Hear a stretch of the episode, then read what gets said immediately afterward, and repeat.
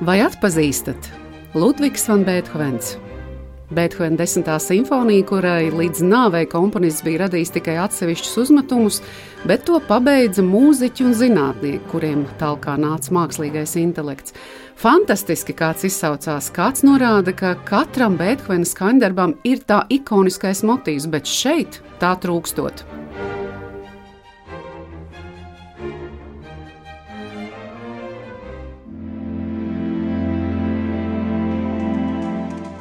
Kāpēc dizains?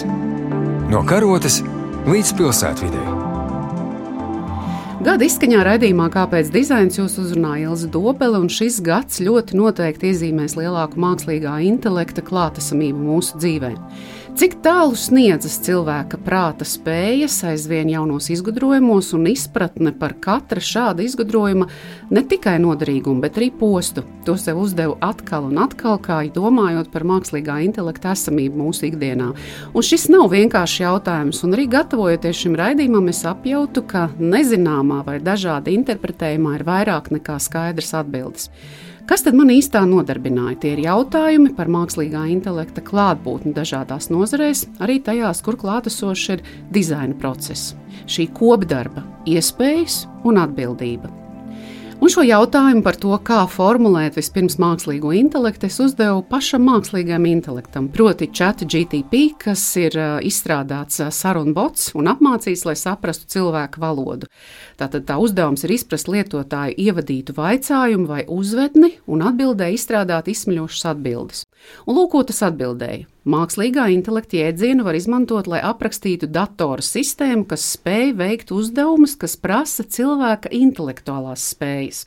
Un lūk, šis sarunbots gan tiek kritizēts, gan slavēts, bet viena no atbildēm ir šī. Tas ir papagails, kurš nav iemācījies jau ko, bet ir apveltīts ar milzīgu talantu siena kaudzē, saprotam, tīmeklī atrast adatas.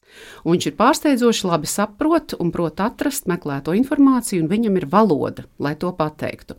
Šajā reizē raidījumā Kāpēc dizains savu redzējumu un skaidrību manos pieņēmumos, un es ceru, ka arī jūsu, visīs Eva Emīlija Česle, Latvijas biomedicīnas pētījuma un studiju centra zinātniece bioloģija. Labdien! Labdien!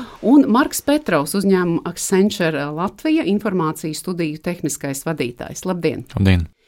Lūk, viens no šī mūžīgā cilvēka dzinēja pamata dzinuļiem meklēt aizvien kaut ko jaunu. Ir dažādi rīki, ierīces, tehnoloģijas, un pat tad, kad tās vēl vienkārši sauc par mašīnām. Un tā atradu, ka Kanādas filozofs viens no mediju teorijas pamatlicējiem Maršals Maklojens 1967. gadā izdeva grāmatu Medijas ir vēstījums, kura drukas kļūdas dēļ pārdošanā nonāca ar nosaukumu Medijas ir masāža. Un autors to nosauc par lielisku kļūdu, jo tieši to medijas kā tehnoloģisks rīks dara - masē vai apstrādā mūsu maņas.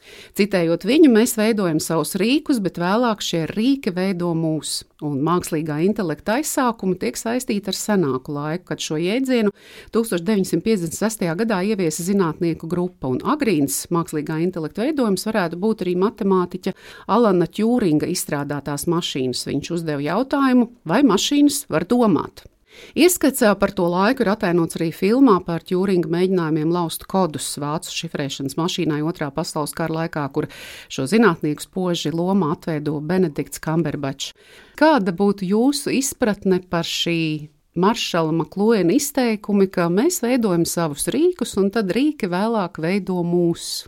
Kā jūs to teikt? Vai mēs varētu tam piekrist arī tagad, 60 gadus vēlāk? Es varu tam daļēji piekrist, jo visam pamatam vienalga ir cilvēka vajadzības. Kāds nu tas būtu? Protams, mēs gribam to, ko mēs gribam, ko mēs zinām, ko mēs gribam. Un, ja mēs zinām vairāk, tad mēs gribam vairāk. Tā kā zināmā mērā varam teikt, ka tā arī ir.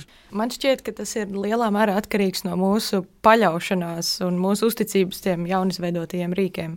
Ja mēs pilnībā uz viņiem paļaujamies, uzticamies kā absolūtai patiesībai, tad, protams, tas maina arī mūsu skatījumu uz dzīvi un veido mūsu.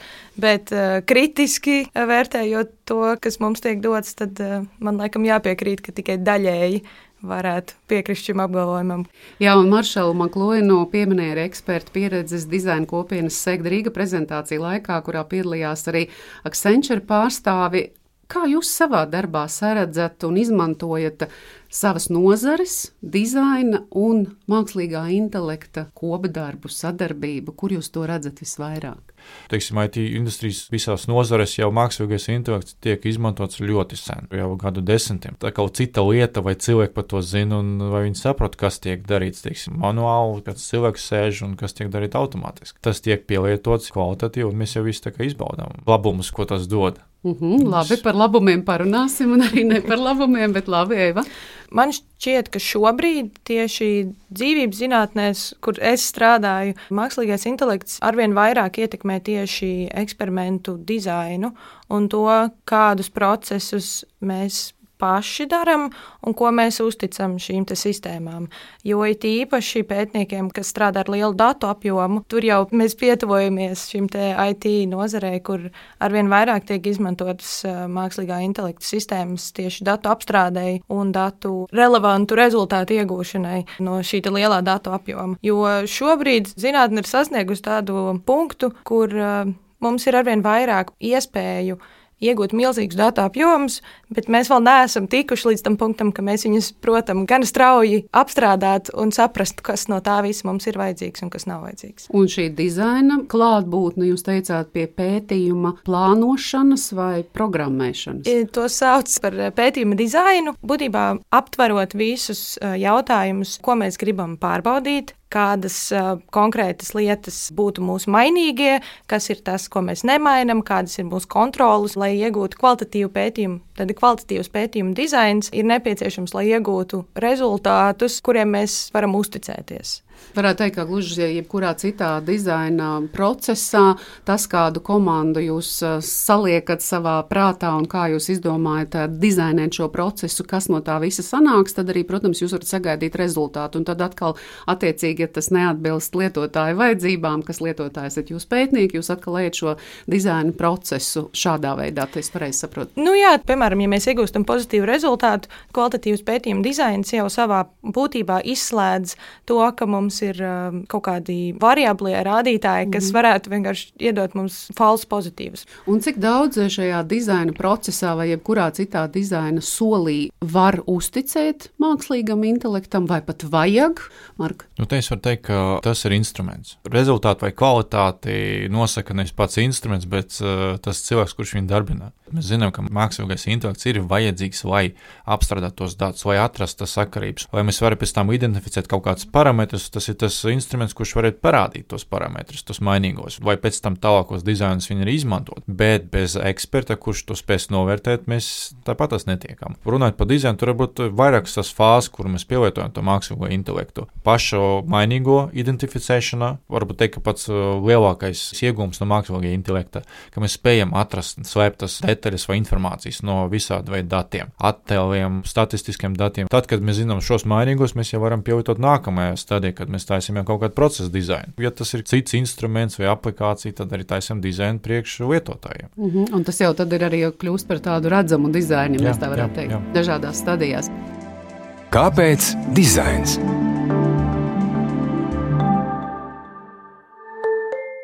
Manā nozarē viena no pēdējo gadu Viens no lielajiem mākslīgā intelekta pienesumiem ir eh, tāda sistēma, ko sauc par AlphaFold. Būtībā, kā viņi to pasniedz, ka tā ir eh, mākslīgā intelekta sistēma, kas spēj paredzēt jebkuru proteīnu struktūru. Kāpēc tas ir bijis tik liels, tāds revolucionārs eh, notikums, ir tāpēc, ka šī proteīna struktūra noteikšana, kā to sauc par proteīnu foldinga problēmu, ir bijusi viens no lielajiem molekulārās bioloģijas jautājumiem pēdējos 70 gadus. Tātad salīdzinājumā piemēram, kopš pirmās eh, struktūras 1958. gadā eksperimentāli pētnieki bija noteikuši šobrīd aptuveni 200 tūkstošu struktūru. AlphaFold eh, šobrīd publiski pieejamā datubāze, viņi saka, ka viņi šajā sistēmā ir aptuveni 200 miljoni proteīnu struktūru modeļu. Tas var būt ļoti nozīmīgi gan proteīnu evolūcijas pētniecībā, dažādu medikamentu pētniecībā un atrast, piemēram, konkrētajam mērķa proteīnam atbilstošākos medikamentus. Bet, ja mēs runājām par to, ka nu, mākslīgais intelekts nav nekas jauns, un ar to tiek strādāts dažādās pakāpēs jau ilgstoši, un Marka, arī jūs teicāt, ka strādājat jau ilgi, kas noticis ir tagad? Kāpēc ir tāda eksplozija? Kādi punkti ir saslēgušies, ka mēs varam teikt, ka nu, tagad, nu, tas ir temats tikpat svarīgs, kā es atvainojos drošība? Ja? Nu, es teiktu, ka katra industriālā revolūcija pienāk kaut kāds brīdis, mm. kad tehnoloģija mm. paliek pieejamāka cilvēkiem, respektīvi lētāk. Un te ir tas pats, tie modeļi palikuši tik lēti, visa tā tehnoloģija paliek lēta, ka pieejama, jā. pieejama mm -hmm. visiem. Tas arī ir tas faktors. Dzirdēju, ka Accenture stāstīja par dažādām iespējām precīzāk monitorēt plūdus. Celtniecības procesu var labāk monitorēt, veidot šos digitālos dviņus, kas nozīmē, ka viens atrodas notikuma vietā reālajā laikā, otrs ir virtuālais. Šis eksperiments par gļotu sēni, ko bija veikuši Japānas un apvienotās karalistes zinātnieki, kur atdarinot šo ļoti sēnes struktūru un barojot to ar noteiktām vielām, parādījās schēma, kas ir ļoti identiska Tokijas metro schēmai, tādējādi parādot, ka barība tiek nodrošināta un aizvadīta tur, kur ir vislielākā nepieciešamība pēc tās. Proti, satiksmē mēs pārnesam modeli, kas parāda, kur visvairāk cilvēkiem ir vajadzīga, kura pietur un kā šo sistēmu uzlabot. Miniet, lūdzu, dažus piemērus, kas mums izgaismotu šo visu sadarbību kopējo un kas mums parādītu tā tiešām nozīmību. Marka. Te var daudz stāstīt. Tie piemēri, ko es minēju, es neteiktu, ka mākslīgais intelekts bija tas noteicošais faktors, kurš palīdzēja to izstrādāt. Tomēr cilvēki pētīja esošas sistēmas modeļus un ņem viņus par paraugiem. Visvienkāršākais ir teksta ģenerācija, par ko visi runā, vai teksta sumarizācija. Ļoti daudz, un tas ir entry levels. Man tagad ir jāpadomā, kā to pārtulkot. Īsnībā vispār tā ir GPT vai mākslīgā intelekta nu, nozare, bet uh, tehnoloģija. Palūgt ChatGPT uzģenerēt kaut kādu tekstu. Mm -hmm. Tāpat tas arī kaut kāda attēlu, kaut kādu saturu. Protams, ja mēs runājam par nopietniem servisiem, tagad jau kino industrija sūdzies par to, ka tie skripti tiek mm -hmm. ģenerēti un kvalitāte zūd. Jā, jā. Nu, mēs varam teikt, ka tā arī ir. Un viens no tiem mm -hmm. uh, iemesliem ir, piemēram, tas halucinācijas, ko tas intelekts arī ģenerē. Jo datu ir daudz, bet uh, nevienmēr ir sakārtot, nevienmēr ir strukturēt, un uh, viens no tiem blakus efektiem ir tas, ka tiek, teiksim, noviduvējots viss, viss, kas tur ir iekšā. Un uh, nevis padarot to filmu interesantāk, viņš padara to, ka, kā pārējais, teiksim, iepriekšējais filmas tiks uzfilmēts. Nu, viņš ir ļoti, ļoti līdzīgs. Ja mēs taisām kaut kādu dizainu, uh, mūsdienu aplikāciju, tad uh, tas ir viens labs paraugs, kā to darīt. Jo iepriekš kā viens cilvēks vai vairāk cilvēku komanda izstrādāja dizaina aplikāciju un cerēja, ka cilvēkiem patiks. Un tad vajadzēja iet garām procesam, vienkārši tad uh, kaut kāds mērķa auditorijas uzrunāt, skatīties, mainīt, un tas prasīja laiku, un nevienmēr bija labs rezultāts. Tagad, protams, ja mēs uzticam vadlīniju kaut kādam dizainam, izstrādātam mākslīgam intelektam, viņš jau ņems vērā ļoti daudz cilvēku, teiksim, vēlmes, intereses un kaut kāds ieradums, kādā veidā to ģenerēt. Zinātnē šobrīd ar vien vairāk izmantotie mākslīgā intelekta rīki, viņiem ir pietiekami citi tāda specifika, jo tas gala lietotājs šajā gadījumā ir nevis tāds vidējais iedzīvotājs, bet gan vairāk konkrēts specifisks nozars zinātnieks, un arī tie rīki mēdz būt ļoti specifiski. Piemēram, ir rīki, kas palīdz atpazīt dažādus šūnu tipus, palīdz atpazīt, piemēram, Google Health ir uh, mākslīgā intelekta rīks, kur Viņi palīdz interpretēt dažādus rengenu uzņēmumus un šādā veidā salīdzinot to ar datu bāzi un viņiem pieejamiem materiāliem, identificēt varbūt kādas novirzes. Tāpat arī zinātnē ir vēl rīki, protams, par datu apstrādi, par gēnu analīzi.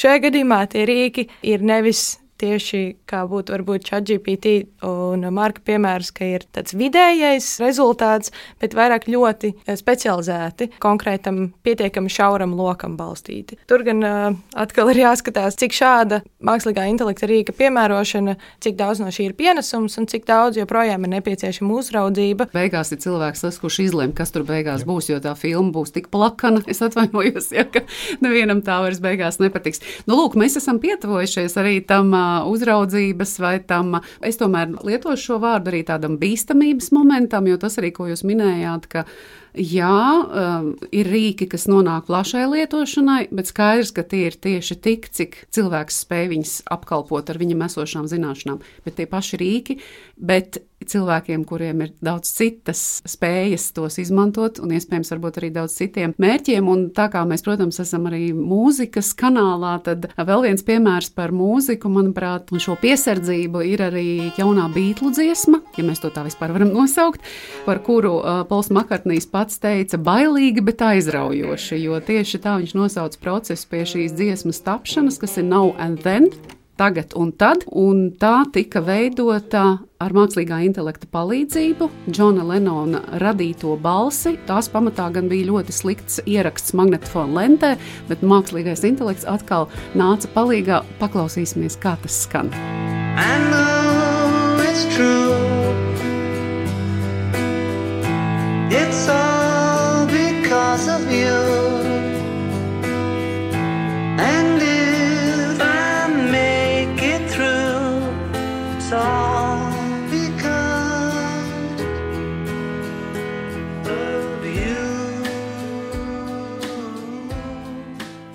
Jūsu zināšanas ņemot vērā, un jūs kā ekspertiem es jautātu, tad kā jūs domājat, kāpēc pagājušā mēnesī notikušajā šajā apvienotās karalistes samitā 28 valstu valdības, tostarp Ķīnu un ASV, parakstīja tādu kopīgu deklarāciju par sadarbību mākslīgā intelekta risku novēršanā, un drīzumā valstis plāno tikties atkal, un tātad uzskaitot. Labums, pātrināt slimību diagnostiku, palīdzēt cīnīties pret klimata pārmaiņām, racionalizēt ražošanas procesu procesus, bet arī radīt ļoti lielu bezdarbu, radīt iespēju ļoti plaši izplatīt dezinformāciju un tomēr uzskata par draudu pat valstu drošībai. Nu, es varētu vienīgais komentēt to dezinformāciju. Jo visam pārējiem es saskatu tikai tos labumus. Nedomāju, ka būs kaut kādi īsti draudi darbā darba devējiem, darba ņēmējiem kā tādiem. Es pieņemu, ka paliks tikai vairāk un vairāk pieprasījumu pēc speciālistiem. Tas fokus varētu mainīties, un tehnoloģijas, protams, attīstās un mainīsies, bet tas noteikti neietekmēs to visu. Bet es saskatu, tomēr, ka lielākais draudz tiešām nāk no tās dezinformācijas un vienkārši no pieejamības. Jo mēs joprojām tagad visas planēta ir sasveikt viena liela tīkla, un tas ir pieejamāks kā jebkad. Ļoti maz ieguldījums ir vajadzīgs, lai informētu mm. lielu daudzumu cilvēku ar kaut ko. Datu manipulēšana, jā, jā, informācijas jā. nodošana, nozagšana, do, nodošana tālāk ļaunprātīgos nolūkos. Jā, jā, tas, un ir tas ir tāpēc, ka arī vajag ātri reaģēt, jo mm. visi dzird uzreiz, un mm. pēc tam būs, nu, teiksim, izlabot tas seks, post postus, izmaksas vairāk un prasīs stipri daudz vairāk laika nekā pirms tam sakārtot visu to sistēmu. Svarīgākais ir tiešām informēt cilvēks par to, ko tas uh, instruments nozīmē, un uh, no kā viņam būtu jāizvairās, mm -hmm, no kā viņam būtu mhm, jāpasargā mm -hmm. sev. Mm -hmm. Pirmkārt, ja cilvēks, teiksim, pats nedarīs, nelīdīs, neklausīs, neizpildīs visu to, ko viņam uzmet, nu, tad viņš arī būs zināmā mērā pasargāts no tā. Tas nozīmē, ka mums savā ziņā būtu jāzina, kāda ir mums nepieciešamā jaunā higiēna darbā ar mākslīgo intelektu vai tur, kur mēs ar to sastopamies. Nu, pirmkārt, mums jāzina, kur mēs ar to sastopamies. Jā, jā. Tā droši, jā, jā, es piekrītu. Man šķiet, ka šobrīd ir ļoti liels fokus uz tiem uh, ieguvumiem no mākslīgā intelekta, bet uh, iepriekš neviens ļoti daudz nav izcēlis tos potenciālos riskus un potenciālos trūkumus. Sabiedrībai kopumā man šķiet, uh, pilnīgi noteikti nākt par labu pievērst vairāk uzmanību šiem trūkumiem, jo cilvēki man šķiet bieži vien maldīgi domā, ka šie mākslīgā intelekta rīki, tas pats uh, ChatGPT, ir um, tāda absolūti objektīva sistēma. Taču arī tur ir aizspriedumi atkarībā no tā, kas nāk no tiem datiem, kas ir uh, izmantot, lai šo sistēmu trenētu. Tas, protams, nav nekāds brīnumrīks, kas mums atbildēs uz visām pasaules jautājumiem un atrisinās visas problēmas. Par to, ko jūs jau pieminējāt, galvārdam vajadzētu būt cilvēkam. Interesanti, ka Austrālijas uzņēmums Studio Snoop Milānas dizaina nedēļā šajā gadā iepazīstināja ar Tiliju Talbotu, kuras darbību un visu ārieni ir radījis mākslīgais intelekts. Tā parādot arī, ka mākslīgais intelekts ir dizaineru rīks. Šis virtuālais dizainers sniegtu atbildes par konkrētu materiālu noderību mūsu vidē un to, kam tie ir visvairāk atbilstoši.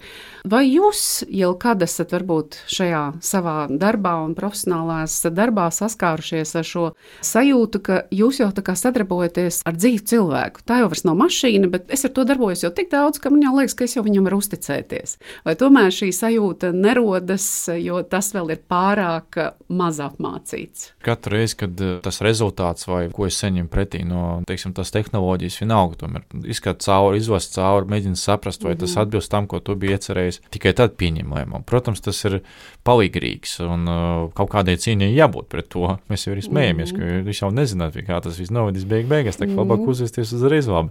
Bet nu, tas jau arī padarīs īstenībā, nu, nenāks paļaut, kā jūs jau teicāt, tā ir higiēna un tam arī tā mhm. jābūt. Jā, Eva, neiz, neiz, Jā, es zaudēju laikam... šo sajūtu, ka nu, tā, tā jau nav tikai mašīna vairs. Es laikam piekritīšu Markam, ka man arī nav tādas sajūtas, ka man pretī būtu cits cilvēks. Jā, šīs sistēmas prot uh, daudz un dod mums daudz un daudz jaunas informācijas, bet tomēr tā ir sistēma, kuras rezultātus tu interpretē pats un tad nonāc pie lēmuma, kā ar šo darboties tālāk. Paldies jums par sarunu, paldies par jūsu viedokļiem un ekspertīzi. Es ceru, ka mēs tiksimies vēl, jo skaidrs, ka jautājumu ir eh, daudz un noteikti, ka tos var sadalīt mazākos eh, blokos un par tiem tad arī varam runāt. Sarunājos ar Evu Emīliju Česu, Latvijas biomedicīnas pētījumu studiju centra zinātnieci bioloģi un Marku Petrovu no informācijas tehnoloģiju uzņēmuma Accenture. Šī raidījuma skaņa montē Judīta Bērziņa, atbalstu raidījumu tapšanā sniedza Kultūra Kapitāla fonds un Latvijas Radio 3 redakcija. Jūs uzrunāja Ilza Dobele, lai mierīgi šā gada Ziemassvētki uz tikšanos!